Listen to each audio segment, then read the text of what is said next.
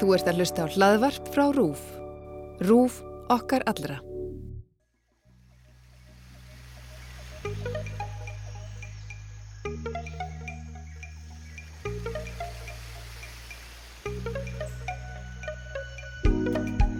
Góðan dag, kæri hlustandi. Þú ert að hlusta á X21, kostningahlaðvarp RÚF. Ég heiti Holmfríður Dæni Fríðansdóttir. Og ég er Guðmundur Pálsson og þessi þáttur er tekin upp þegar mánuður er til kostninga. Og við báðum alla flokka um að senda okkur einn fulltrúa sem var í nýliði í þeirra frambóði. Nú er það samfélkingin. Fulltrúu þeirra hjá okkur í dag er Kristrún Frostadóttir, oddviti í Reykjavík Suður. Kristrún, af hverju gafstu kostaður í frambóð fyrir samfélkinguna? Já, þetta var nú bara fyrst og fremst ákveðið svona samfélagsstjónustu verkefni, myndi ég segja. Um, ég er svona til dæla ungur hagfræðingur, ég held ég myndi kannski aldrei upplega tvær kreppur á minni lífstíð. Ég byrjaði í hagfræðhaustu 2008 og allt sem ég hef gert við mjög mótast að þeirri krísu. Og svo stend ég bara fram fyrir því í fyrra að, að hérna, sjá okkur þróunin í fyrra og, og hérna veldi ég fyrir mig bara hvað ég er að gera með allir minn þekking og reynslu og ég hef alltaf verið jafnamaður þannig að það lág bara beinast við að, að taka þetta pólitík fyrir samfélkinguna Mm -hmm. Og eru það þá efnarsmálinn sem að svona þú leggur mest áherslu á? Já, það er náttúrulega líka mín sérþekking. Sko ég, mér hefur þótt vanta fólk með þennan bakgrunnin á þing án þess að, að gera lítið því fólki sem það starfar en, en hérna, svo hefur það líka svolítið loðið við flokka sem eru vinstra með meðju að, að, að þeir kunni ekki fara með peninga sem er náttúrulega ekki rétt.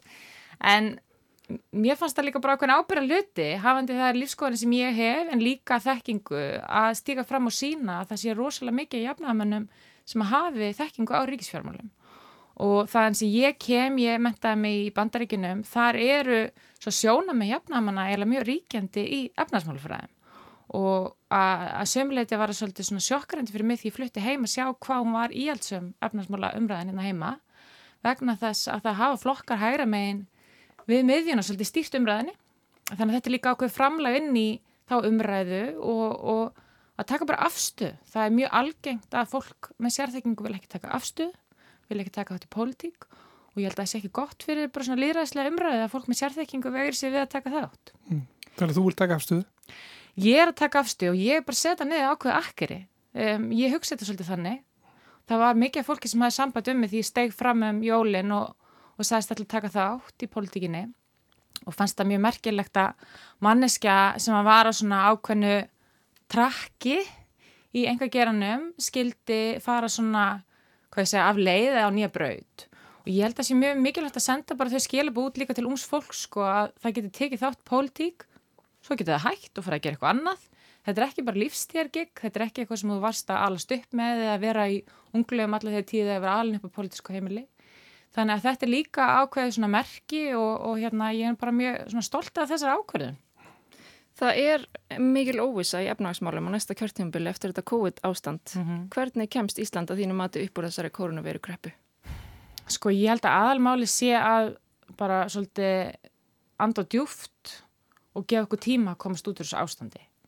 Ég held að það sé mjög mikilvægt að við áttum okkur á því að þrátt fyrir að við sem bara gangi gegnum tvö, tvær mjög erfiðar krísu núna skömmun tíma þá er þetta ekki eðlert ástand fyrir hagkerfið eða samfélagi gangi gegnum og ef við ætlum að vera að reka ríkisjóð og, og hagkerfið þannig að við séum alltaf að draga saman seglinn mjög hrætt eftir svona ástand þá getum við lendt í því bara að, að gera algjörlega út af við samfélagi vegna þess að það er ákveðinu innviðir sem að líða eða alltaf fyrir svona ástand við sáum eftir síðustu kreppu það var farið mikinn spartan til dæmis í fjárfestingu og það er mjög svona auglesra ástæðir fyrir því, þannig að pólitíkin er miklu meila svona á rekstrarliðinni að borga laun og það sem þarf að gerast strax í dag.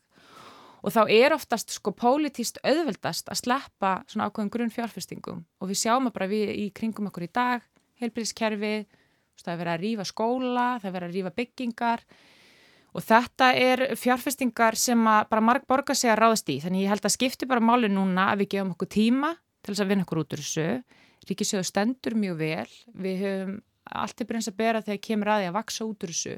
Og við verðum að líta þetta ástand sem núna sem svona tímabundi ástand, það er ákveðna svona COVID skuldir sem eigum bara að hluta til að vera stolt af, þetta var bara svona samfélagsverkefni, samtryggingarverkefni að steyðja við samfélag þessum tíma og við þurfum að koma okkur út úr þessu svona hægt og rólega og ætla ekki að snúa skipinu við allt og hratt þess að þá getum við bara grafið undan öllu hérna.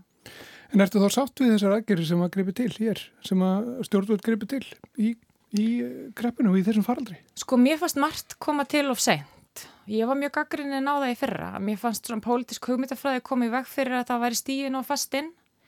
Um, að hluta til var þetta svona eiginlega ákveðin innblastu fyrir mig að fara í pólitík vegna þess að mín upplifun síðasta vor, þess að því fyrra var að sko þetta er svona hvað maður segja, svona ultimate, sko ef einhvern tíma reynir á samtryggingu og samfélag, það er það í svona aðstæðum. Að við getum svona stíði fyrir utan okkar búblu og hugsa, herðu, ég er ekki að missa vinnuna, ég er ekki að vera fyrir tekjuskerðingu, ég er ekki veikjast, ekki minn fjölskylda, um, en það er fólk hérna úti sem er bara að lenda, færi rauninu bara slæma vinningin, dregur stutt að stráið og er ég tilbúin til þess að borga tímapundi til þess að halda þessu fólki floti verðan að ég hef alltaf eins getið verið í smaðstæðum og mér fannst ríkistjórnin bregðast of sent við varandi ákveðin úrræði um, til að mynda til lítið til að fyrirtækja. Það var allt og neikvað umræðin síðast á haustvarandi til dæmis atvinnuleysisbætur. Uh, það var ákveð bara svona róf hjá mér þegar atvinnureikundur eða hérna, þeir sem var í fórsvari fyrir, fyrir atvinnureikundur stígu fram og mótmæltu hækkun atvinnuleysisbóta fór í samfélagsmiðla herrferð gegn því og ég hugsaði bara hvað er í gangi? Veist, hvernig getur við að stilla fólki sem er í svona ótrúlega ósengjadri stöðu upp á móti um, öðrum í samfélaginu? Í ofanalag þá eru engar hagfræðilegar efnæðslega rauk fyrir því að til dæmis að hækka bætur sé á svona tímum að fara að leti fólk til vinnu Þannig að sko það var það margt sem kom sem var gott, ég ætla ekki að gera lítið úr því en það var tregða og það tók langan tíma. Og mínum að þið bæði sko svona, nú segi ég að því allt sem ég segi í dag hlýtur að vera pólitíst en líka svona, þú veist, efnaðslega og hagfræðilega, þá gerði það hérna viðbröðun kostnæðasamari nefnilega. Um, hins vegar þá marg borgar að sig að styðja svona við samfélagi vegna þess að það er svo ofbáslega mikið langtíma kostnæðar að Um, sjá, við sjáum bara hérna, ennþá langtíma afleggingar á 2008 kreppinu til dæmis í, í helbyrðiskerfinu þannig að það er margt gott sem var gert en ég held að viðbjörn hefði ver, verið hérna, komið fyrir til ef það hefði ekki verið þessi hugmyndafræðilega tókströða En við tölum þá eins um, um helbyrðiskerfið hvað þarf að gerast þar? Við heyrum alltaf sko fréttir af, af slæmri stöðu þar, það er mannekla, það eru bygglistar, það er erfitt að, að, að þjónusta fólk, það er erfitt að veita þjónustuna til dæmis á spítalanum. Já. Hvað þarf að gerast þar? Snýst þetta bara um að veita meiri peningum í helbrískerfið? Ég held að það sé bara margir þættir sem koma þarna til. Við erum að hluta til að sjá aflengar auðvitað COVID núna en líka af langvarandi bara vannfjárfestingu í helbrískerfinu það heyrist mjög mikið um svona auka fjárframlög á kjörtímabilinu og það er ímslegt sem hefur vissilega verið gert en veist, þetta, þetta er eins og svo margt sko, þetta er svolítið hérna háða aðstæðum og, og, og hvar þú setur nullpunktin ef við skoðum til dæmis sko, fjárframlög til heilbríðiskerfisins fyrir hrun þá var það í kringum svona 500.000 krónir á mann. Í dag er talan á föstu verðlægi svo sama. En í millitíðinu var svona risastórt vaff á því grafi. Og við döttum niður í svona 440.000, 400.000 eitthvað svo leiðis e, í þó nokkuð mörg ár. Og þetta er bara tala sem tikkar í langan tíma. Þetta er bara eins og að þú hefur séð leka í húsunniðinu 2008 ákveða að stoppa að gera við hann að hluta til og svo byrjar aftur að gera við hann og í millitíðinu það hefur bara alls konar kostnað hrúast upp. Þannig að við erum vissulega réttir braut en þetta hefur tekið mjög langan tíma mjög, meðal annars vegna þess að það hefur verið svona hugmyndafræði ríkjandi sérstaklega hægra megin að skuldir séu bara þær skuldir sem eru mælanlegar út frá eitthvað svona fjárhagslegu byrði í dag. Í staðan fyrir að segja, herðu, hvað er fjárhagslega fyrir að kosta okkur eftir tíu ára að hafa ekki fjárfest í landsbytalanum, ekki helbriðstjónast og þess að þar og við erum að fá þannan kostnað núna í bakið. Alveg eins og það er búið að leggja mat á það að, að hérna að vann fjárfesting í, í vegafrænkundum þess að það kemur markvælt tilbaka Þannig að við erum að eiga við vannfjárfestingu í kerfinu, við erum að eiga við það að það er aldrei hægt að borga fólki sem starfa við óviðunandi aðstæður nógu vel til að sé ánætt í vinnunni. Þannig að það er alltaf verið að setja auka álag, það er verið að kalla fólkun á auka vaktir, það er verið að, að, að hérna, hækka laun, kannski tímabundið eða fyrir ákveðni stjættir í staðin fyrir að borga fólki bara góð grunnlun þannig að það getur sint bara hefbundunni vinnu á eðlulegum vinnutíma e, vel að þá eru við alls konar sporslum. Þannig að það er svona gamal vandi og svo er þessi nýju vandi sem er það að veist, veikt velferðarkerfi það bara skadar atvinnulífið. Og það er þess að við erum að finna fyrir núna. Og það er mjög svona hraðsóðin mynda því að gerast núna að það er margt sem hefur verið stopp verðan þess að spítalinn er stopp eða gjörgjörslurýminn er stopp. Þannig að það er náttúrulega lærdóminn á þessu ástandi að mikið verið tala um framleginni vanda í kerfinu. Veist, það má öruglega eitthvað bæta þarna. Ég hef ekki mjög djúpa insinn inn í landsbytalan en það starfi ekki þar eða ekki nefni nefnd. En ég held að það liggja alveg fyrir af öllu því sem hefur kom, hefur komið frá spítalunum og þessum skýslun sem maður hefur lesið að framleginni stafar auðvitað líka því að starfsfólk lendir líka bara á flöskuhálsum og ef þú ert með versmið sem hefur ekki verið náðu vel fjárfest í og ætlar að rekana á fullum afkostum þá nærðu aldrei ásettanlega framleginni þannig að þetta er peningavandi, já af því að það hefur ekki verið viljið til að ráðast ná rætt í uppbyggingu og svo ætlar að kera fólki. Og svo er þetta tímbundu ástand núna á COVID. Þannig að við þurfum að setja meiri pening í þetta einhverju leiti en þetta mun líka borga sig á rekstarleginu verðast að það er annar kostnar sem að mun minga á móti til langstíma og verðum að hugsa þetta þannig. En hvaða stefni myndir þú vilja fara í sóttórnarráðstöðunum? Sóttórnarlagnir kynnti tillögur um takmarkanir, svipar og við búum við í dag til lengri tíma, mm -hmm. mánuði, jável ár. Myndir mm -hmm. þú vilja fylgja þessum tillögum? Ég held að við verðum að komast í það ástand að geta að lifa með, þessu, með þessari veiru sko, ef ég er alveg hreinskilinn. Ég held að það sé margir langþreyttir á þessu ástandi og ég held að, að hérna, sterkustu viðbröðin eigi að vera núna að styrkja heilbríðskerfið og landsbytalan. Það er auðvitað ekki gott að við stöndum fram með fyrir því að vera mögulega með harðari aðgerir vegna þess að við höfum til dæmis ekki með nægi gjörgjæslu rými. Það hefur verið mikill samaböru gerðið til dæmis við Norðurlöndina þar sé verið opnalt og þar er bara allt öðru í þessi staða í heilbríðstjónustunni við erum bara lítið land, við höfum ekki fleiri spítala, við höfum kannski sjúkurhæs og agurir sem getur sendt fólk á. En í starri löndum þá er hægt að velta vandan með aðra helbriðstofnarnir sem hefur ekki gengið hér. Þannig þetta er bara enn annar partur af því að veikt velferðarkerfi er að halda aftur á okkur. Þannig ég held að fyrsta málið og allir veldi fyrir sér án þess að ég ætla að vera með eitthvað eftir að spekja þarna hvers vegna verðum að koma út á átjánmannaði tímabili og verðum að lenda á flöskuháls á gjörgæslunni um, að því sögðu þá get ég alveg syngt í sjóna með því að fólk hafi áhyggjur af þessu deltaðabrið, menn ég átækjar að gamla stelpu sem er í leikskóla, hún er ekki bólusett. Ég hef alveg veldi fyrir mér. Þegar ég les, les fréttur frá bandarenginum og Ísrael í dag hvað, hvað áhrif er þetta að fara að hafa börn? Vill ég að batni mitt sé eitthvað svona test case fyrir delta, skilji?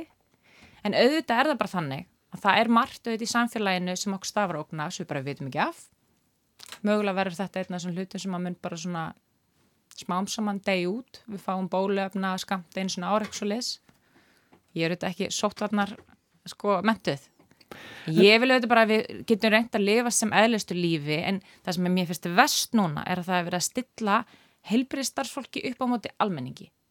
Einhvern veginn, þú veist, það er fólk á, á hérna, spítulunum sem er að starfa með mjög erfiðar aðstæður og er að kvarta undan aðstöðu leysi og, og, og, og fjármaskorti og síðan eru aðri út í samfélaginu sem segja að það sé ekki í lægi að, sko, að við getum ekki lifa venjulegu lífi verðast einhver sé kvart á spítalan. Það þarf auðvitað bara að laga þann flöskuháls svo við hinn getum farið að lifa líka aðeins eðlera lífi. En síðan er alltaf lægi að vera með svona léttar smitvarnir svo, svo lengi sem að hamlar ekki svona daglegu lífi fólks. Mm. Og ertu þá bara nokkuð sátt við þar aðgeri sem var ráðist í hér? Ég held að... Í, í faraldunum? Já, ég var það. Ég held að þetta hafi verið mjög skensarlegt svona mm -hmm. eftir að högja. Ég menna, ég, ég hef sagt það á mjög mörgum stöðum að ég hef haft enga rétta tilfinningu gagvart þessum faraldri. Frá fyrsta degi held ég að þetta myndi vera búið á þreymum mánum, svo held ég að þetta er búið í oktober, svo held ég að þetta er búið í janúar, skilji. Þannig að ég er eiginlega hægt að treysta svona maganum á mér varðandi þetta Um, og ég held að við þurfum auðvitað að hlusta á sótandarleikni en það þarf að fara bara eitthvað meðalhófsleið þar sem að, að þetta vinnur ekki eða skapar ekki vandamál annars þar í samfélaginu svona aðgerðir. En þið fann sko að þið vorum að tala á hann um, um aðgerði efnarsmálum, tengdar kreppunni, við vorum að tala um þetta, þú, þú svona og heilbyrðiskerfið, þú, þú segir svolítið að þetta sé svolítið á réttri leið og það hefur margt gott verið gert. Já. E, ertu þá, ég meina, fyrir hverju ætlar að berjast, ertu sammálað þessu sem hefur í gangið þá? Já, ég meina... Ég meina, ertu e, bara svolítið sátt þessu ríkisjátt sem eru við stað? Það er síðan alltaf annað mál. Ég held að sé með mjög mikilvægt og áttum að því að við erum ekki að fara að kjósa um COVID í haust sko. Við erum að fara að kjósa um næstu fjögur ára og langtíma sín. Og ég held að sé eitt að vera í aðstæðum þar sem að við erum að einhver lit að tróða marfa. Sko, sko aðtöða það að með við vorum í COVID þá vorum við að reyna að bjarga veginn núverandi stöðu. Og þessi ríkistjórn hefur getað staðið að þýldunni til samhend eða ekki samhend fyrir eftir hvernig þú lítir á það eftir mismunandi röglega dögum með mánuðum vegna þess að það var eitthvað bara mjög akút verkefni sem þurfti að ráðast í en þú rekur ekki samfélag alltaf í einhverju svona akút ástandi. Það þarf að vera pólitísk sín og það þarf að vera ríkistjórn og ríkistjórnum við völd sem eru tilbúin að taka afstöð með að leiða samfélagið eitthvað.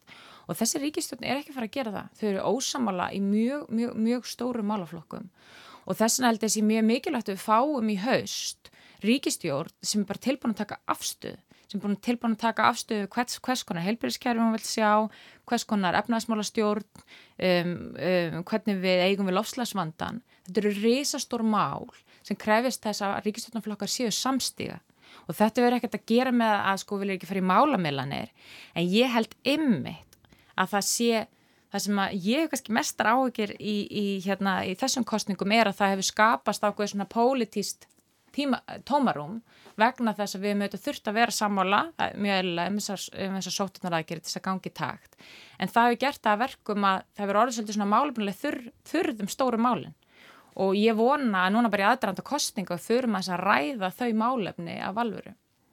En hvað aðgreinir samfélkinguna frá öðrum flokkum sem eru með svona svipu, svipað sín, svipið málefni og hallast til vinstri? Sko, samfélkingin var náttúrulega stopnu til þess að vera svona breyðfélking gefnaðamanna um, og hefur þessi grunn jafnáman að gildi, ég meina við viljum bara sjá norrænt öflugt velfærakerfi. Það eru margir sem segja að sko í aðranda kostninga þá fara allir hljómið svo samfélkingin. Um, ég veit, ég, ég held að það sé nú vel bara jákvæmt fyrir, ok fyrir okkur sko en þess að við berjumst fyrir þannig málefnum. En við erum bara flokkur sem að, að berjumst fyrir í rauninni bara betra lifi vennilegs fólks.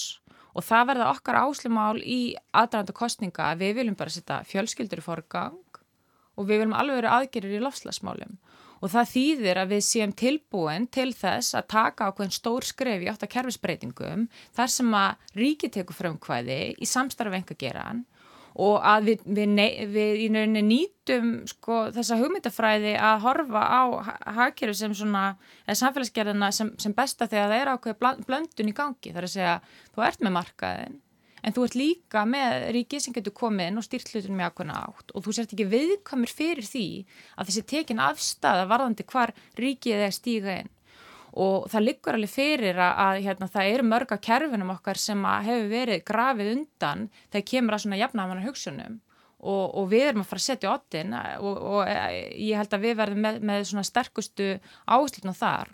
Og það eru svona mjög hefðbundi jafnamannamáli eins og húsnæðiskerfið, styrkja félagslega kerfið sem hefur verið bara grafið undan í raun og síðustu árum og búið að selja fólki það að fólk sem býr ekki félagslega kerfin hafi ekki til dæmis haga af því þessi start félagslegt kerfi þráttur að það drægi úr spennu á öllum húsnæðismarkanum um, svo staða til að mynda að batnabætur er eitthvað sem að venilegt fólk hefur bara eiginlega aldrei séð.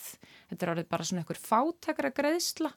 Í staðin fyrir að í öðrum norrannum velferðaríkjum þá er lítið á þetta sem er bara ákvæmna kjölfestu fyrir batnafólk um, þetta er eitthvað sem við viljum sjá breytast þannig að það, ég geti talið hérna upp mörg, mörg, mörg mál en ég menna samfélkingin er og verður uh, jafnaðamannaflokkur Íslands, það þýðir ekki að við hefum sjálfgefið að allir jafnaðamann kjósa okkur en það mun auðvitað reyna það núna í kostningunum um, að við sínum og spilum varandi okkur stefnumál Nú er samfélkingin búin að vera í, í stjórnarnarstöðu hvernig finnst þið stjórnarnarstöðan hafa staðið sig á, á kjörtöðumbilnu? Finnst þú hún hafa verið sterk og, og samljóma?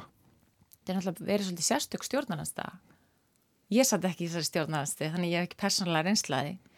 Um, þú, þú getur átt skoðun á því? Já, algjörlega, ég hef fyllt að skoðunum á því. Það eru auðvitað svolítið uh, kannski erfitt að mynda svona heilstæð stjórnarnarstöðu þegar þú ert með ríkistjórn sem er kannski ekki droslega heils, heilstæð í rauninni.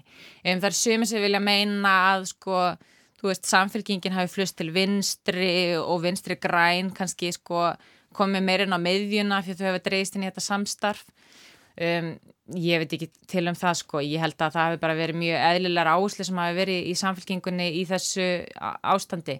En það er auðvitað mjög sérstakt þegar stjórnarnarstæðan getur ekki verið sko rosalega samstiga vegna þess að það eru mörg málefni sem að fólk er bara mjög ósamála um til dæmis miðflokkurinn og samfélkingin hafa ekkert rosalega mikið samilagt, get ég sagt ykkur. Og er það það flokkur sem þið getuð ekki unni með ef, ef til þess kemi eftir kostingar? Ég meina formaðurinn okkar Lógi Einsson hefur gefið það út að, að, hérna, að það sé ekki vilji til að, að fara ríkistjórn með sjálfstæðisflokki og miðflokki. Það er ekkert til þess að vera eitthvað óþarlega leiðilega eða útlöka fólk. Ég meina það er líka mjög sérstakt að hér á Íslandi, þrátt fyrir að það hefur orðið sama þróun og í, í hérna, norranlöndunum kringum okkur, þar sem eru svona margir flokkar að það verður ekki þótt eðlilegt að það sé kosi til dæmis eftir blokkum og fólk getur tekið afstöð með hvers konar ríkistjórn það vilja sjá. Ég held að margir til dæmis sem kursu vinsti græna síðast held ekki að það myndi fá þessa ríkistjórn til að mynda. Um, þannig að það er bara svona ærlegt, ærlega afstafa í þessum kostningum að við förum ekki inn með málefna plagg sem að við getum ekki uh, í rauninni rætt við aðra flokka ef við þurfum að gefa allt og mikið eftir. -hmm. Bara kannski í lokin kostingabaráttan uh, framöndan og þessi slagur sem að þú hefur gefið kosta þér mm. í, hvernig leist þetta í þú? Ertu, ertu til í þetta og, hlakar til kostingana? Ég er mjög brött. Ég hef aldrei tekið í rauninni þátt í, í kostingabaráttu á, á hérna, þessu stíi áður þannig að þetta er mjög sérstætt fyrir mig en þetta er ótrúlega skemmtilegt. Um, þetta er þegar, þú komir einhvern veginn á þannan part í baráttunni þá snýst þetta bara um að tala við fólk og eiga skemmtileg samtöl þetta er auðvitað svolítið sérstætt ástand, ég held að það sé svona smá, hvað ég segja, það er auðvitað þreita í fólki svolítið eftir COVID og fólk er svona koma börnunum sínum í skólan og komast að stað, þannig að ég vona að eirun fara aðeins að opnast kannski að næstu tveim vikum og svolítið, en við erum bara mjög spennt. Komst ekki lengra núna, takk fyrir komuna Kristrún Frostadóttir, oddviti samfélkingarinnar í Reykjavík Suður. Takk hella. Þú varst að hlusta á X21, kostningarhlaðvarp RÚF.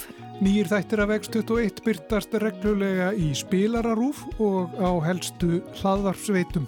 Og það er hægt að gerast áskrifandi með því að smetla á subscribe takkan og sækja þætti um leiður þetta. Ég heiti Holmfríður Dæni Fríðansdóttir. Og ég er Guðmundur Pálsson. Takk fyrir að hlusta.